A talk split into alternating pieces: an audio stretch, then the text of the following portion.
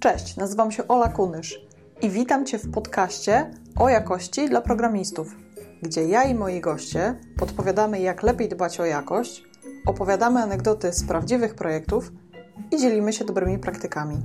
Dziękuję Ci, że tego słuchasz.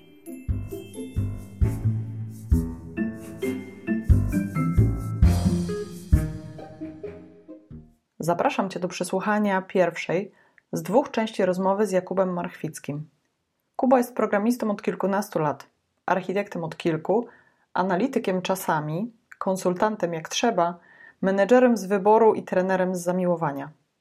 Jest też wieloletnim liderem Java User Group w Trójmieście. Mówi, że jest spora szansa, że nic z tych rzeczy nie robi dobrze, ale próbuje i wyciąga wnioski z porażek. W tej części dowiesz się, co jest ważne, kiedy testujemy system rozproszony, czy testować czas jak uczyć się rzeczy, o których się nie wie, że się nie wie. Zapraszam. No i moje takie pierwsze pytanie, które mnie nurtuje w ogóle, bo skoro jesteś w tylu rolach, to jak zmienia się perspektywa podejścia do jakości? Czy się zmienia, czy się w ogóle nie zmienia, w momencie, kiedy wkładasz te różne kapelusze? To może ja od razu powiem taki mały disclaimer. Oczywistym jest, że ja nie jestem w tych wszystkich rolach jednocześnie, bo przynajmniej się staram, bo doba jest za krótka. To są role, przez które gdzieś w historii przechodziłem i obecnie y, są to role, jakby to są umiejętności, znaczy po tych rolach zawsze zostają jakieś umiejętności, które y, staram się wykorzystywać w jakichś miejscach, kiedy są potrzebne. No i wpływają, tak, wpływają na y, perspektywę jakości, wpływają na perspektywę tego, co należało, jak, jak patrzymy na to, co, co należy zrobić. Um, ja myślę, że one przede wszystkim po, pozwalają spojrzeć na coś, co programiści nazywają jakością, poza kodem. No? E, w najprostszym przypadku, jeżeli e, programujemy i myślimy o jakości, to myślimy o naszych testach, które przechodzą, mm -hmm. A w momencie, kiedy stajemy, nawet nie menadżerami, ale gdzieś tam stajemy przy kliencie, to zaczynamy myśleć o jakości z perspektywy tego, jak klient odbierze, czy jak klient będzie wykorzystywał to, co napisaliśmy. I to nie zawsze jest e, tożsame z tym, że nasze wszystkie testy są na zielono. A czasami wręcz nie powinny być, bo na przykład właśnie klient zmienia zdanie albo pivotuje i wywraca się to, co robimy do góry nogami. Mhm. Zresztą takie testy, które są ciągle zielone, to wcale nie są dobre testy, więc znaczy takie testy, które są ciągle zielone oznaczają, że nasza aplikacja się nie rozwija, nie zmienia.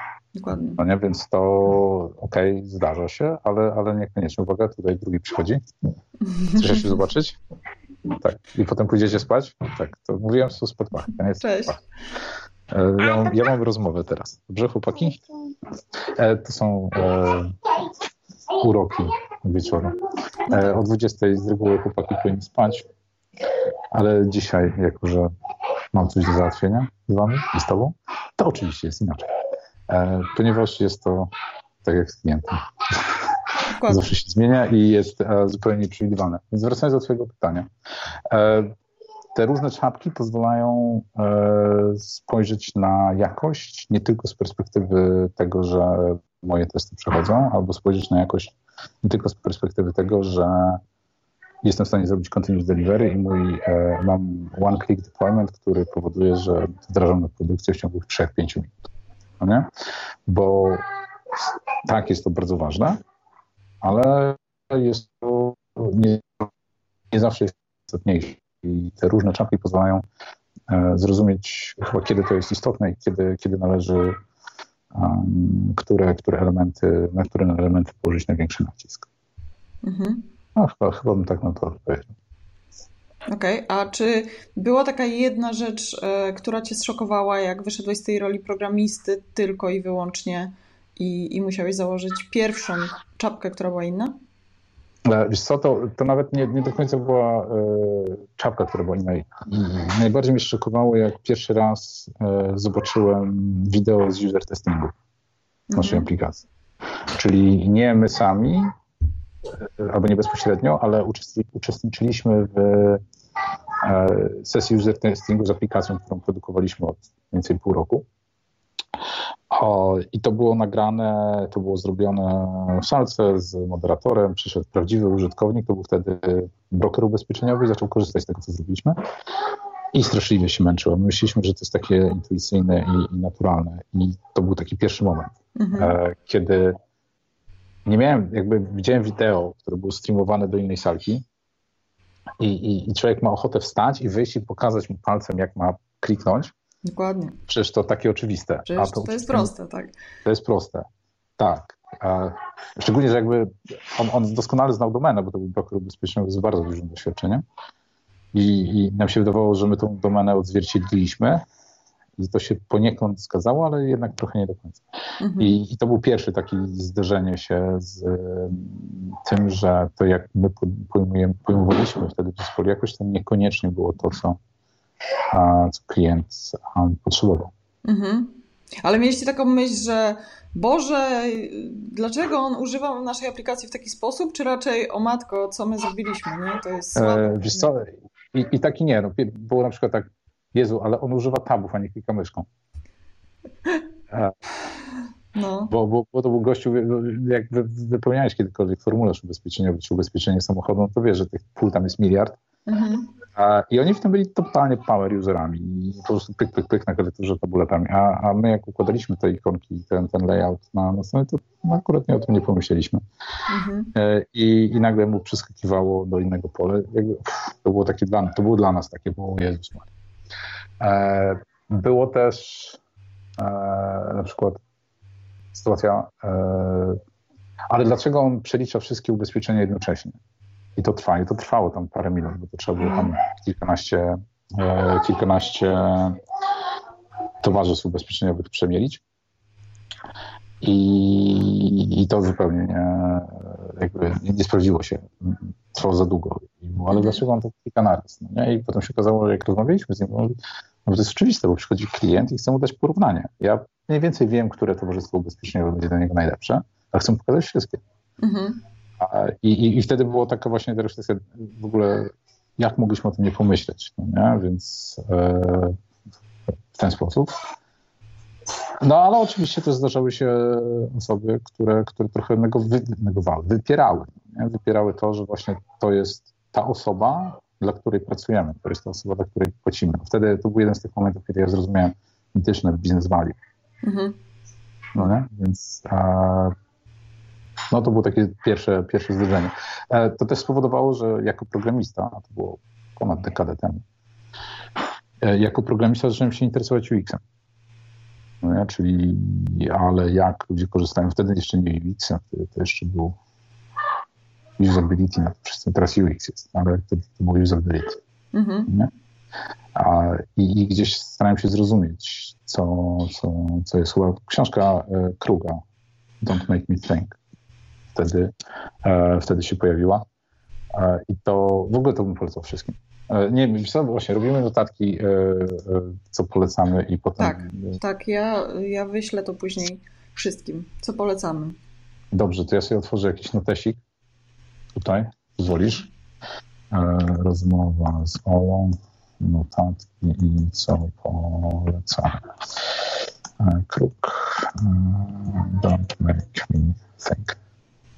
E, znajdę potem to na jakimś lubimy czytać i to dobrze. Dobra, ekstra. A chciałam e, nawiązać teraz do tematu, który jest dość popularnie poruszany przez Ciebie na różnych konferencjach, czyli do mikroserwisów. Mhm. Jak się zmienia podejście do jakości i do pisania testów, kiedy przechodzi się z monolitu do mikroserwisów? Czy się zmienia? A, E, właśnie niektórzy, niektórzy jak przychodzą z monolitu do mikroserwisów, to nic im się nie zmienia i wtedy mają monolit, ale rozproszony. Mhm. E, I, I, to, jest, to jest złe, ale e, tak, zmienia się, zmienia się szalenie. Zmienia się przede wszystkim to, że musimy zaakceptować, że robiąc kawałek kodu, kawałek moduł, kawałek serwisu, kawałek czegoś, co wyląduje na produkcji, nie mamy tracimy możliwość e, takiego scalenia wszystkiego razem i, i, uruchomienia i zobaczenia, że testy, że testy przeszły. Coś, co mieliśmy w monolicie, coś, co czasami trwało dobę e, i trzeba było to puścić w nocy i wyniki dostać następnego ranka, e, ale gdzieś mieliśmy ten taki, e, ten taki element, który nie wiem, co nam dawał, ale, ale powodował, że, że my się czuliśmy bezpieczni. A w mikroserwisach, które są jakby systemem rozproszonym, e, my to tracimy, bo jakby założeniem mikroserwisów jest to, że każdy z elementów jest wymienialny i mhm. każdy z elementów jest wyłączalny. I nie powinno to wpłynąć drastycznie na całą resztę. Czyli mój serwis może zniknąć, a reszta jako tako się zachowuje, więc e, z tej takiej piramidy testów, którą znamy i którą gdzieś nam wpajają na studiach, jeżeli to jest na studiach czy na kursach, gdzie mamy te testy jednostkowe, te testy integracyjne i te testy a, łatowe, użytkownikowe, zrobione przez jakieś tam Selenium czy cokolwiek, no nie? To to trochę ulega, ulega zaburzeniu, że dużą, większą wagę przykładamy do tego, żeby nasz serwis działał i nasz serwis działał zgodnie z założeniami, które, o których powiedzieliśmy innym. Czyli z kontraktami. Miałaś, miałaś Marcina na pierwszym webinarze. Czyli staramy się powiedzieć, yy, obiecać ludziom dookoła, obiecać innym serwisom, że będziemy się zachowywać w jakiś tam sposób. Mhm. E, i, I później robimy wszystko, żeby ta obietnica została e, dostarczona. Jakby żeby, żeby, została, no. tak, żeby została spełniona, żeby została pokryta. Żeby to nie była obietnica bez pokrycia.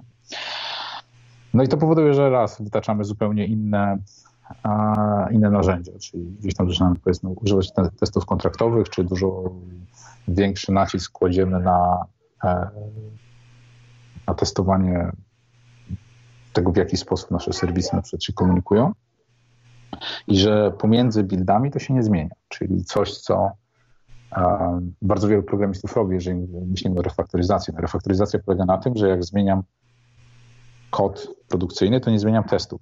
Bardzo często jest tak, że ktoś mówi, że refaktorowałem kod, ja patrzę i kod i testy są zmienione.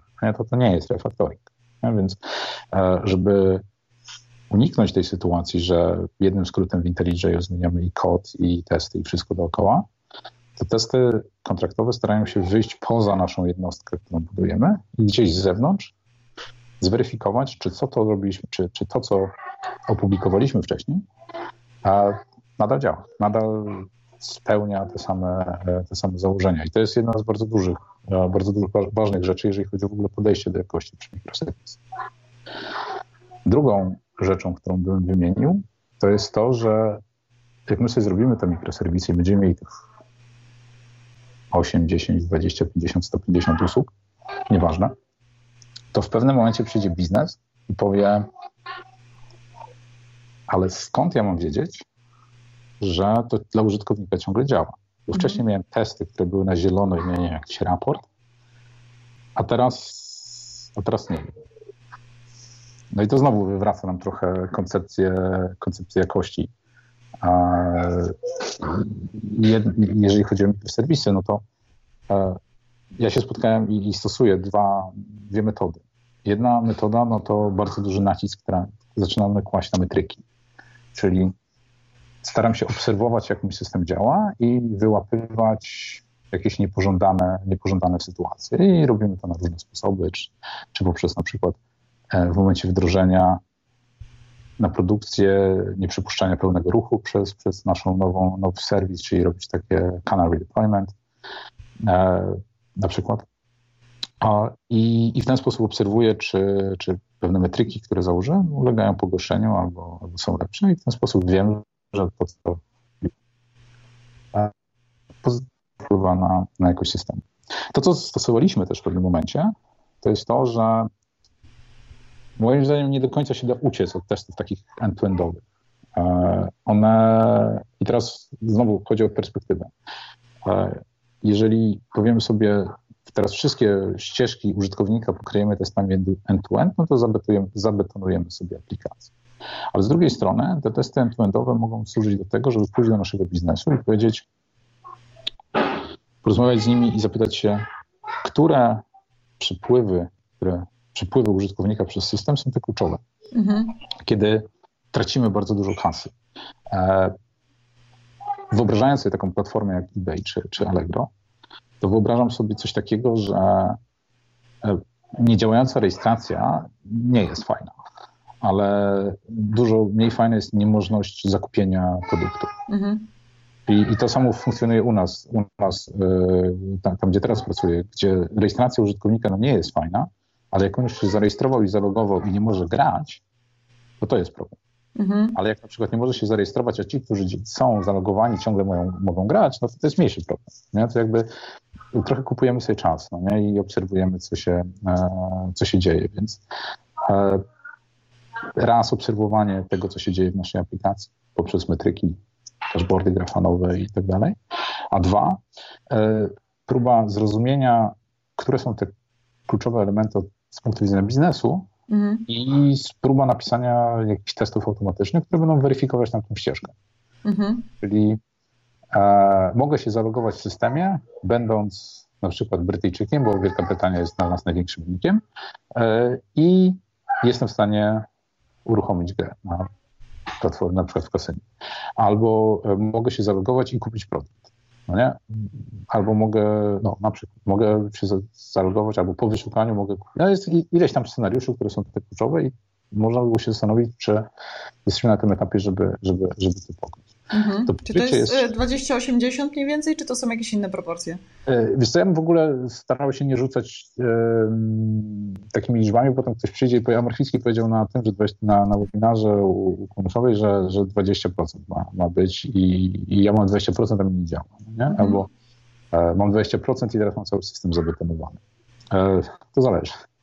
Ja myślę, że te takie podejście end-to-endowe albo próba zrobienia tego end-to-endowego e, bardzo mocno nam się, mi się sprawdziła e, w momencie, kiedy jakby przechodziliśmy, sprzątaliśmy system od monolitu do, do, do, do rozproszenia, gdzie mieliśmy ten taki safe harbor, taką bezpieczną przystań, gdzie widzieliśmy, że to jednak działa.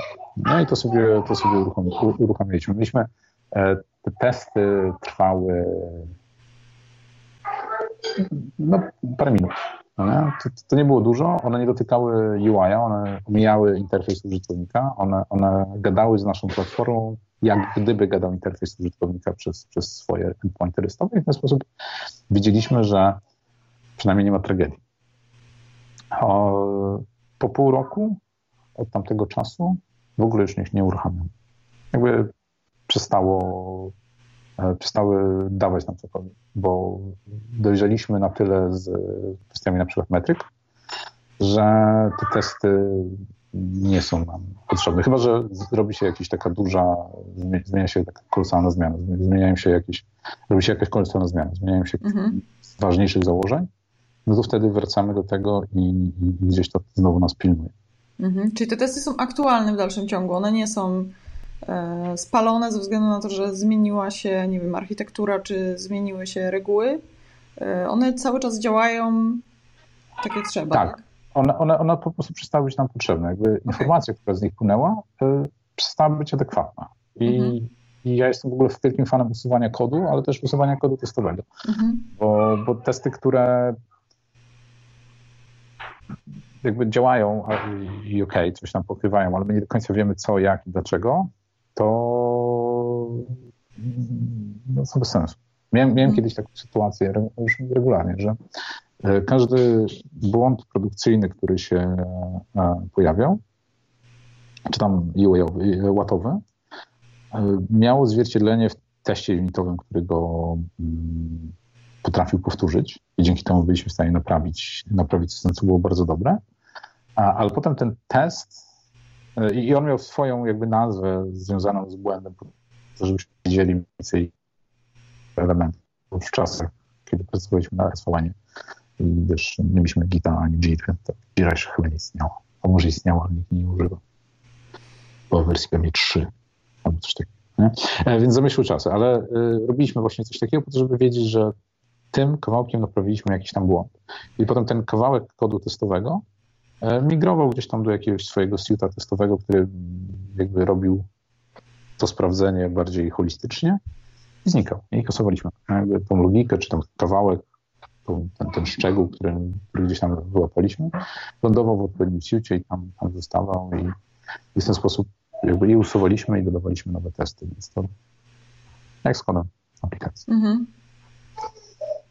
A wspominałeś tutaj e, o, o, czasie chyba, albo ja po prostu gdzieś e, na Twojej prezentacji słyszałam o, o czasie e, i o strefach czasowych. I czy coś się zmienia, jak testujemy czas? Czy są jakieś podróże w czasie? Jarek ostatnio mówił o tym, że JavaScript pozwala na podróże w czasie, czyli na symulowanie, że jest inny czas niż jest w tej chwili i że fajnie to się wykorzystuje w testach. Czy spotkałeś się z czymś takim? Spotkałem się z czymś takim w, w RxJavie też, gdzie możemy powiedzieć a teraz sobie tam przebieg do przodu. Ja mam jeszcze coś a propos mikro. Dobra, wrócimy do tego. Ja sobie zapiszę sobie, bo jeszcze chciałem a propos mikro, ale mm, to jest udowodnione tylko, że to idzie na żywo. E, jeżeli chodzi o czas, e, to to jest takie peski, no nie? Patrzę trochę na to w ten sposób, jak testowanie bazy danych. Mhm. No nie? E, ja staram się nie testować bazy danych, bo bazy danych zrobili ludzie mądrzejsi ode mnie i to raczej działa. I czas traktuję jakby zegar, zegar, clock, traktuję jako element infrastruktury i staram się go nie testować. No nie, bo zegar zawsze płynie i ja zakładam, że mój system operacyjny, jak zapytam go system current time milisekund, to da mi odpowiedź, która będzie, będzie, będzie sensowna i kompetentna, e, czy będzie sensowna i jakby racjonalna i staram się tego nie testować. E, wydaje mi się, że w momencie, kiedy. I oczywiście nie, ja trochę będę uogólniał, ale i, i, na pewno ileś osób znajdzie ileś przypadków, gdzie w ich bardzo konkretnym przypadku to nie zadziałało, ale w ogólności wydaje mi się, że e, to, że musimy na przykład ustawić w naszym teście sleep i poczekać dwie sekundy na upływ czasu, sugeruje, że my coś źle zrobiliśmy, bo upływ czasu, kolejne milisekundy są jak zdarzenia. Po prostu pyk, mieliśmy milisekundę, pyk, mieliśmy milisekundę. Jeżeli my jesteśmy w stanie napisać naszą aplikację, która będzie reagowała na te zdarzenia, o, upłynął czas, to my jesteśmy w stanie testować tylko i wyłącznie tą logikę, która miała się wywołać w momencie, kiedy jakiś czas upłynął.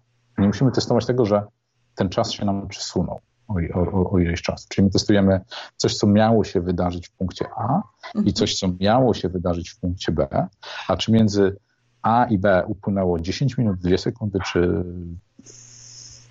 Dwa dekada, tygodnie. No. dwa tygodnie, to, to, to, to my tego, tego upływu czasu e, upływu czasu nie testujemy. I ja, ja, dlaczego, dlaczego mówiłem, że to jest tak jak z bazą danych? Jeżeli zakładam, że mój serwis persystuje jakieś dane, to ja mam jakiś kawałek infrastruktury, co do którego wiem, że jak dam mu dane, i wywołam jakąś metodę, to one zostaną zapisane do bazy danych. Ktoś to napisał, raczej nie pisałem tego sam, nawet jak używam JDBC, to tam to jest. Ja tego nie testuję. Nie chcę tego testować. Nie chcę testować tego, że w bazie danych jakieś dane się znalazły.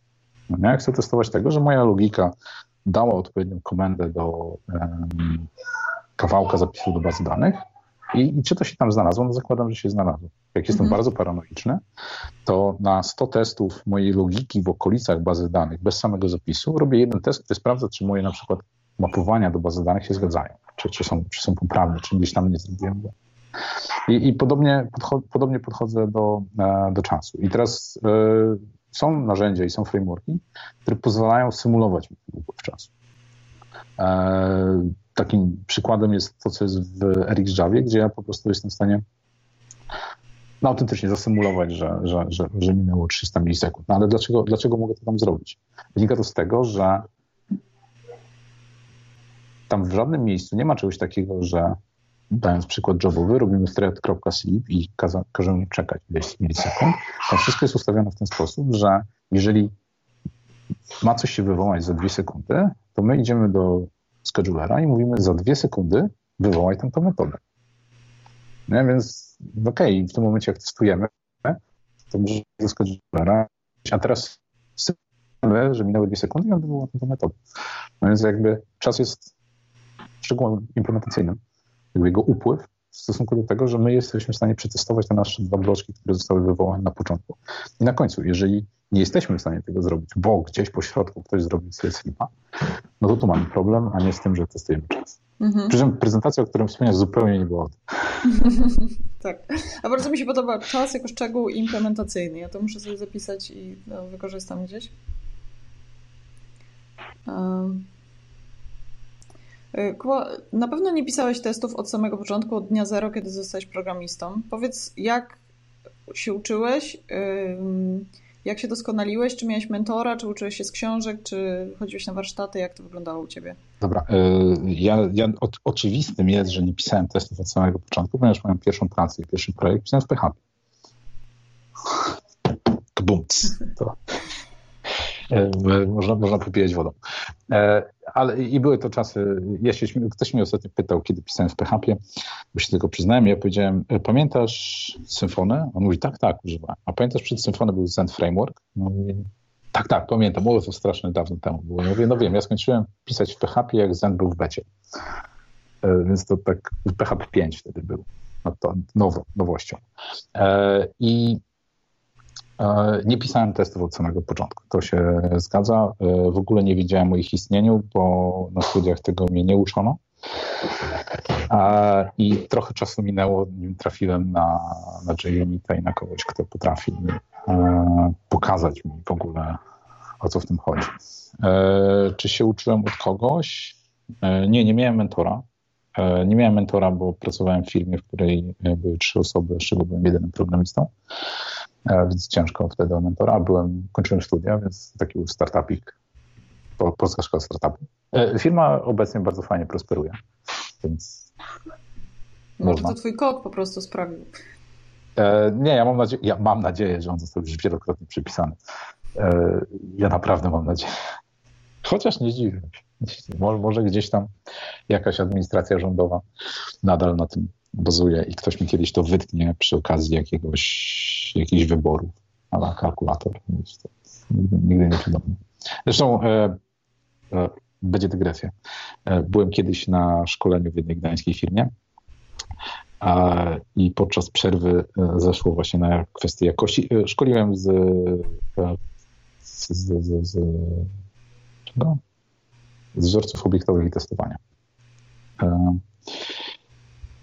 I, I tak sobie rozmawialiśmy już podczas drugiego chyba czy trzeciego dnia i w pewnym chłopaki mówią, jak to głównie mężczyźni, to choć teraz ci coś pokażemy. I oni tam gdzieś się weszli do jakiegoś loga, e, loga e, SVN-a i pokazują mi kawałek kodu napisany przez bardzo słynną osobę w naszej branży, która bardzo negatywnie wypowiada się na temat e, testerów, którzy nie, znaczy ludzi, którzy nie piszą testów, ludzi, którzy piszą proceduralnie, nieobiektowo i tak. Patrz, patrz, to jego kod. A to był taki go-to. E, e, bez nazwisk. Bez, bez nazwisk, nie? Jakby ludzie, ludzie na różnym etapie różnie, różnie piszą i najważniejsze, żeby wyciągali z tego błędy, jak ten kod mm -hmm. zostaje, bo oni zmienili pracę, zmienili projekt i nikt tego nie przypisał przez dekadę, to jak myślę, że też problem leży w innym miejscu niż mhm. oso w osobie, która 10 znaczy, lat no, To jest właśnie ważne, że, e, żeby się porównywać jakby z sobą z przyszłości, że e, skoro ja uważam, że mój kod sprzed pół roku jest taki trochę słaby, to znaczy, że na tyle nastąpił postęp, że jestem w stanie to zobaczyć. E, tak, e, chyba że w międzyczasie przestałem programować albo przestałem być programistą przez chwilę i jakby nie zrobiłem progresu na tym etapie programistycznym. No nie? Mhm. miałem no tak, ale to wtedy też nie zobaczysz tego, że ten kod jest słaby. Eee, chyba, że ktoś mi powie. Chyba, że był bardzo słaby. Tak, tak albo chyba, że ktoś mi powie, wtedy też jest ważne, żeby, żeby swoje ego gdzieś tam schować do kieszeni i, i powiedzieć, hmm, no dobra, i porozmawiajmy. Mhm. Ale to jest jakby temat na znowu kolejną dygresję. W każdym razie nie, nie miałem mentora, nie miałem, nie miałem szkoły testów, nie miałem, e, nie miałem nikogo, kto mógłby mi pokazać, bo po prostu wtedy to nie istniało. E, to było w czasach, kiedy w Trójmieście nie funkcjonował dżuk jeszcze, a dżuk w Trójmieście ma 10 lat. No więc to... Wow, coś tak dobrego. E, no ponad już ma 10 lat, ale e, więc, więc e, e, nie był ja gdzieś zobaczyłem, że Unita, zacząłem, przeczytałem o tym jakiś artykuł, już wtedy internet był, więc, ale nie było stakowy, to, więc e, gdzieś, gdzieś zacząłem czytać, gdzieś zacząłem eksperymentować, to były bardzo nieudolne, bardzo nieudolne testy. W zasadzie pisałem wszystkie testy integracyjne, takie grube integracyjne. I się dziwiłem, dlaczego nie mogę pewnych rzeczy przetestować, bo no. Jakby ta potrzeba testowania też jakby było od zawsze. Czasami w ogóle pierwsze początki były takie, że po prostu pisałem skrypt, który wywoływał mi pewne metody i w kontekście, no, jakby człowiek eksperymentował. No. E, I potem o, fast forward trafiłem przy już kolejnej pracy parę lat później na książkę um, Growing Object Oriented Software Guided by Tests. Mhm. I to jest książka, co do której żałowałem, że trafiłem na nią tak późno i, i nie ukazała się na tyle wcześnie, żeby mógł trafić na nią na, stu mhm. na studiach. Ona była genialna, ona jest genialna e, z tego powodu, że robi to, co ja sam bardzo lubię robić i uważam, że jest super, e, super rzeczą do, do nauki. A, czyli porządkuje wiedzę i trzyma ją w takiej strukturze. Ja e, sam bardzo lubię wykonywać takie ćwiczenia, gdzie mając chaos myśli, a wtedy miałem chaos myśli na temat testowania, e, trafię na coś, co mi poukłada i mi powie, widzisz, widzisz to? No tak. Robisz to? No tak, robię to. To przynależy do tego, a to przynależy do tego i, i jest w stanie w jakiś tam sposób usystematyzować. I, i Gozbook, czyli tak to się w, e, w skrócie nazywa, e, ma takie podejście właśnie do testowania, do robienia, jakby do pisania kodu i dbania o jakość w rozumieniu make it run, make it right, make it fast. Mhm. Czyli napisz coś, co zadziała, może działać idealnie, może działać źle, może być totalną zaślepą, ale zadziała tam, gdzie to ma działać. I potem iteracyjnie polepszaj, polepszaj, polepszaj, polepszaj. W zasadzie cała książka opisuje to, jak, jak pisać ten szkielet, który zacznie działać, zacznie chodzić i, i, i opakowywać go tymi mięśniami, czyli featureami te, te feature'y testować po kolei, po kolei, żeby, żeby nie zrobić Frankensteina, czyli potwora, który nagle się obudzi i zacznie chodzić, a my jakby będziemy zbyt przerażeni tym, co powstało, żeby, żeby cokolwiek z tym zrobić. I myślę, że ja na tę książkę trafiłem, nie pamiętam, powiedzmy jednej trzeciej mojej pracy zawodowej. I to było takie, aha, no i, i wtedy to e, bardzo dużo jakby uporządkowało, uporządkowało moje myśli i to, w jaki sposób patrzę, a, patrzę na jakość. Teraz jest dużo łatwiej, teraz jest dużo łatwiej, bo mamy całą masę osób, które chcą się dzielić tą wiedzą. E, mamy całą masę projektów open source'owych, które pokazują, jak to należy robić. W tych projektach open source'owych mamy całą masę mentorów, którzy bardzo chcą nam pomóc, żebyśmy byli w stanie w tym ich projekcie coś zrobić. I, i, i pomogą nam zrozumieć, jak testować, jak, jak, jak, jak, robić. No i mamy całą masę narzędzi do testowania na różnych poziomach tej naszej piramidy, piramidy testu. Mhm. A myślisz, że y, lepiej jest się uczyć y, z książek, czy właśnie w takim projekcie, powiedzmy open source, czy nawet, nie wiem, gdzieś tam w grupie z ludźmi z pracy, czy... E, ja myślę, że e, jedno i drugie, bo e, jak uczysz się z ludźmi, znaczy zacznijmy od najprostszego, to pójdę sobie na prezentację o jakimś frameworku, pójdę sobie na prezentację o test kontenera. Modny temat, Docker, testujemy, uruchamiamy nasz kod w kontenerze i robimy testy, które pozwalają postawić nam infrastrukturę i ją zorganizować. Poszliśmy sobie na prezentację jedną, drugą i, i mieliśmy tą zajawkę. To nie znaczy, że jakby na skali od 0 do 10 znamy to na poziomie 1, czyli wiemy, że to istnieje. Mhm. A skala 10, czyli poziom 10 i potrafimy tego w nocy obudzeni używać i, i wiemy, co się dzieje. Przy czym jest to w Dockerze, więc nigdy nie osiągniemy tego, bo nigdy nie będziemy wiedzieć, co się dzieje. Ale e, możemy sobie pójść i możemy się tym, możemy się tym zajmować. No nie? Więc e, potem fajnie by było zrobić sobie to na, te, na, na sprowadzić to na poziom e, pamięci mięśni, czyli napisać sobie coś. No to mogę spróbować to zrobić samodzielnie, a, a mogę, e, jeżeli czuję się na siłach, a mogę zrazić się w zespole i wspólnie gdzieś tam wymienić się i zrobić sobie jakieś takie, czasami po południu, czasami kilka godzin, gdzie, gdzie, gdzie, gdzie przetestować. A, więc e, i tak jakby na każdą stronę, e, w każdą stronę. Mogę, mogę w ogóle nie pójść na prezentacji, mogę pójść na warsztat kogoś, kto będzie robił test kontejnery i wtedy jest szansa, że w te trzy godziny zrobię zarówno ten wstęp teoretyczny, jak i zobaczę, jak to działa, ale zobaczę to na takim Hello World, no nie? więc i tak będę musiał wrócić do domu i zrobić to na swoim projekcie, ale przynajmniej tą, ten próg wejścia tak, ta krzywa wejścia w technologię nie będzie taka, taka, taka stroma. Mhm. Więc tu chyba nie ma. I, I znowu to bardzo dużo zależy od indywidualnych potrzeb, potrzeb, potrzeb, potrzeb osoby. Nie? Więc nie wiem, która jest, która jest najlepsza. Ja, dla mnie osobiście e, to jest gdzieś pomiędzy. Ja, ja lubię takie sesje, które się nazywają deep dive, e, gdzie nikt nie wymaga ode mnie kodzenia, mhm.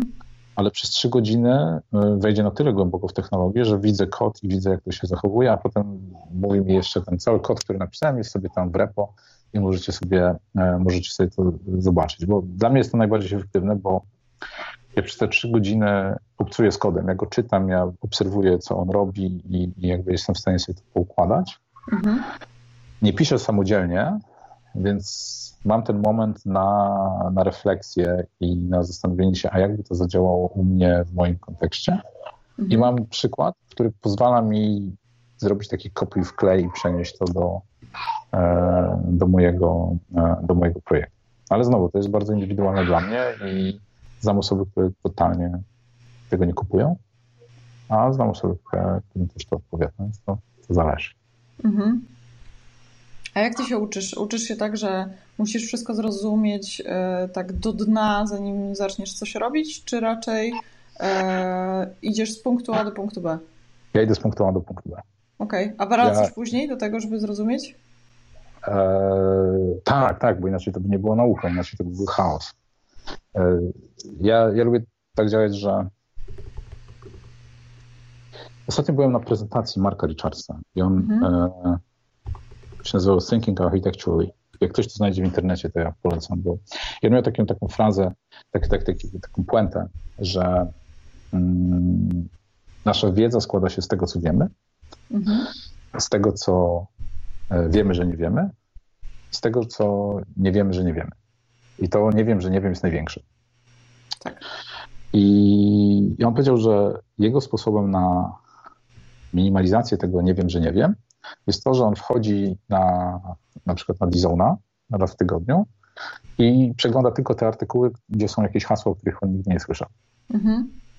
I w ten sposób mówi, o właśnie, wspomniane, o jest test containers, o mogę tym testować Dockery, nie? Więc przeskakuje coś z poziomu nie wiem, że nie wiem, do wiem, że nie wiem. I potem kolejny poziom jest taki, że jak już wiem, że nie wiem, to mój, moje zmysły się wyostrzają na jakiś przypadek użycia, gdzie ja będę mógł tego spróbować. Mhm. To, to, nie znaczy, żeby napisać projekt w skali dla nowego klienta, bo chciałbym napisać coś w skali. Nie. To znaczy tak, że jak mam jakiś slack time albo mam jakiś, e, niektórzy mówią cooldown Mondays, mam jakiś taki dzień, gdzie nikt nie będzie mi cisnął o, i raczej mam to po to, żeby zrobić sobie refleksję na, na poziomie ostatnich dwóch tygodni sprintu, to ja wtedy biorę te test kontenery i mówię, a dobra, to ja spróbuję napisać black box testy z wykorzystaniem test kontenerów i zobaczymy, mhm. jak to działa. No i poświęcam na to ileś tam, ileś tam czasu i wtedy przenoszę to z nie wiem, że, z wiem, że nie wiem, do wiem, że wiem albo jakkolwiek wiem. Coś, coś jakby mam jakąś praktykę. Wiem, że trochę wiem, no. Wiem, że trochę wiem. I, i, I moje podejście jest takie, że ja mówię, o, tam by pasowały, tam by pasował ten framework, albo tam by pasowały te testy. To ja to zrobię. Mhm. Nie? I, I znowu make it run, make it right, make it fast. Czyli szukam najkrótszego połączenia z punktu A do punktu B, który pozwoli mi zobaczyć, że to całość, całość działa, bo to jest dla mnie walidacja, że ten mój pomysł ma sens. Mhm. No i potem wracam do tego punktu B do punktu A, poprawiając, ulepszając e, coś, albo nie zdążę, bo ktoś przyjdzie i powie, ale to jest fajne, tylko tu i tu i tu bym zrobił inaczej, ja to polepszę. Ale mówi super, w ogóle super fajnie, że na to wpadłeś. No bo czasami jest tak, że ktoś ma pomysł, i, i, i nie tyle, że się nudzi, ale jakby wystarcza mu to, to przejście do punktu A do, z punktu A do punktu B, a, a ktoś inny mówi, o kurczę, ja bym na to nie wpadł, że to można wykorzystać, ale jak już to zobaczy, że to działa w jakimś tam kontekście, to jest w stanie bardzo inkrementalnie to ulepszyć. No I, i, i jedni nie są potrzebni. Więc ja jestem Jeszcze raz możesz powtórzyć ostatnie zdanie? Bo coś przycięło. Nie wiem, czy to po mnie. Jestem jestem z punktu A do punktu B. Właśnie miałem taki moment, bo tak przez chwilę byłaś tak, stałaś, myślałem, że, że reagujesz tak jak mój, mój syn, jak ten młodszy. Tak, zwracam mu uwagę i ale tak, zwracam mu uwagę i on mu się to nie podoba, to on tak robi tak. Mhm. I czeka no. zniknę. E, I tak, tak ja urok właśnie e, spotkań przez internet, że czasami możesz coś źle odebrać, nie? Aż robimy to codziennie przez lata. Dokładnie. Na konferenc kolach. E, to może porozmawiamy o złych testach. Jaki najgorszy test widziałeś i czy to był test twój, czy nie twój? E, najgorszy test, znowu powtórzę to, co już tu Marcin mówił, ale coś, coś się regularnie powtarzam. Najgorszy test był taki, gdzie usunąłem o, cały kod metody testowanej i test nadal był zielony. Ale to jest wtedy, kiedy ktoś jakby doprowadzi, zmasteruje Mokito, ale nie w tym kierunku, w którym powinien zmasterować. Mhm. Czyli jak Spy pogania Moka, to może, może, może dojść. Znaczy, tam jakby nie usunąłem całego kodu, bo nie mogę, bo się nie skompilował, ale zamieniłem e, implementację klasy na interfejs bez metod, czy tam z pustymi metodami i jakby wszystko się skompilowało, test przeszedł. No tak, bo Mokito wiedziało, co robić. tak, Mokito wiedziało, co robić, a ktoś, kto napisał ten test, nie wiedział, co, jakie asercje robić, więc e, to był najgorszy test. E, I czy mi się zdarzyło napisać taki test? Pewnie mi się zdarzyło. Nie raz, bo takie, jakby takie rzeczy się przytrafiają w momencie, kiedy e, nie do końca dba się o swoje testy.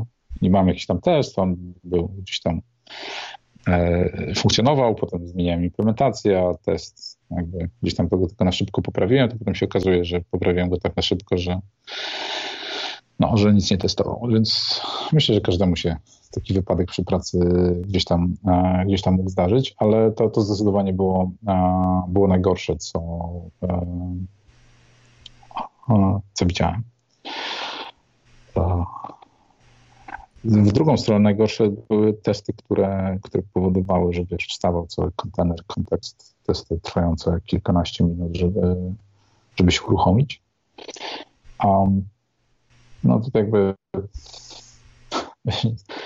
to były takie sytuacje, gdzie uruchamiałeś bieda i szłaś po kawę. Mhm. W nadziei, że, że, że przejdzie i testy się zaczną wykonywać. Bardzo, bardzo, bardzo złe czasy czasy, które Jarek Ratajski bardzo hejtuje, mówiąc o Java i innych patologiach. Mhm. Ale, ale to, było, to było w tamtych czasach. No, inna rzecz, że też nie za bardzo wtedy były, nie za, nie, było nie za dużo możliwości, jak ktoś wszedł w ten enterprise'owy stack, to były też kiedyś czasy, kiedy nikt nie pomyślał o pisaniu testów. Mhm. Jakby autorzy technologii nie wpadli na to, że trzeba będzie to testować. Zdarzało się. Mhm. Coś takiego. Ale mówisz, że jesteś dobry w wyciąganiu wniosków z porażek. E, Aha. To jakbyś miał wyciągnąć taki jeden wniosek albo trzy wnioski e, z, z takich najgorszych praktyk testowania, jakby nie związanych z czynnikami zewnętrznymi, tylko po prostu z Aha. tym, co ludzie zrobili w projekcie, to masz jakiś taki pomysł? Wiesz co, wydaje mi się, że mogę powiedzieć na co teraz zwracam uwagę, bo to są pewne, pewne wnioski. Teraz zwracam uwagę na to, żeby e, ja mówię na to, rzeczy, które się zmieniają w podobnym tempie, trzymać razem. Mhm.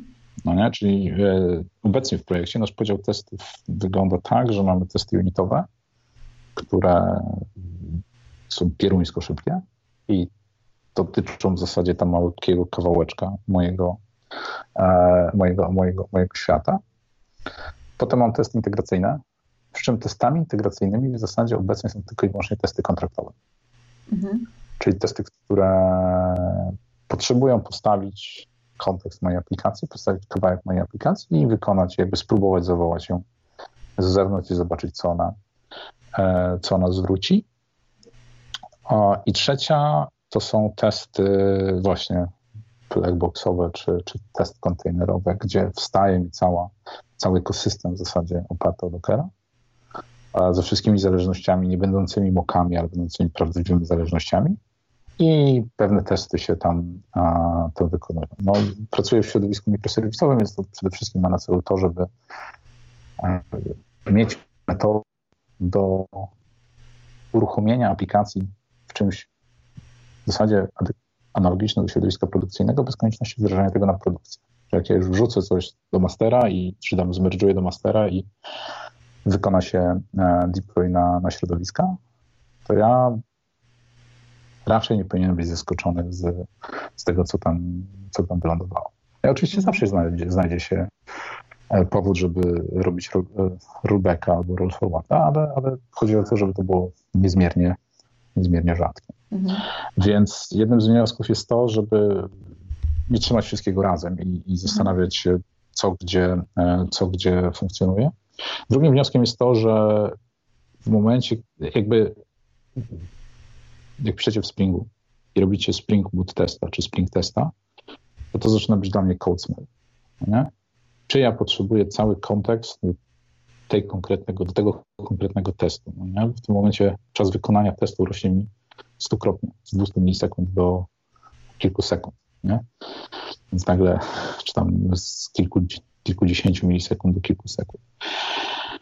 Więc, więc zaczynam się zastanawiać, czy, czy to na pewno, na pewno potrzebuję i czy mogę zrobić tego e, to, e, to inaczej. A druga rzecz, i trzecia rzecz, to jest to, że jak hiszpańska inkwizycja walczy z powielaniem kodu konfiguracyjnego w testach. Mhm. Czyli jeżeli mam jakiś kod konfiguracyjny mojej aplikacji, a w testach widzę, że ktoś albo ja zaczynam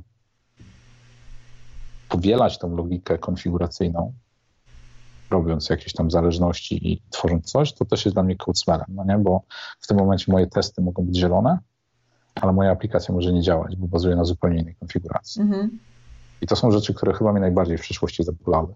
Jakimiś tam przypadkami czy niuansami, które miałem i to jest coś, na co teraz chyba najmocniej zwracam, zwracam uwagę. I o zgrozo nie jest to code coverage. Sonarem to się ogólnie rzecz biorąc nie lubimy. No tak.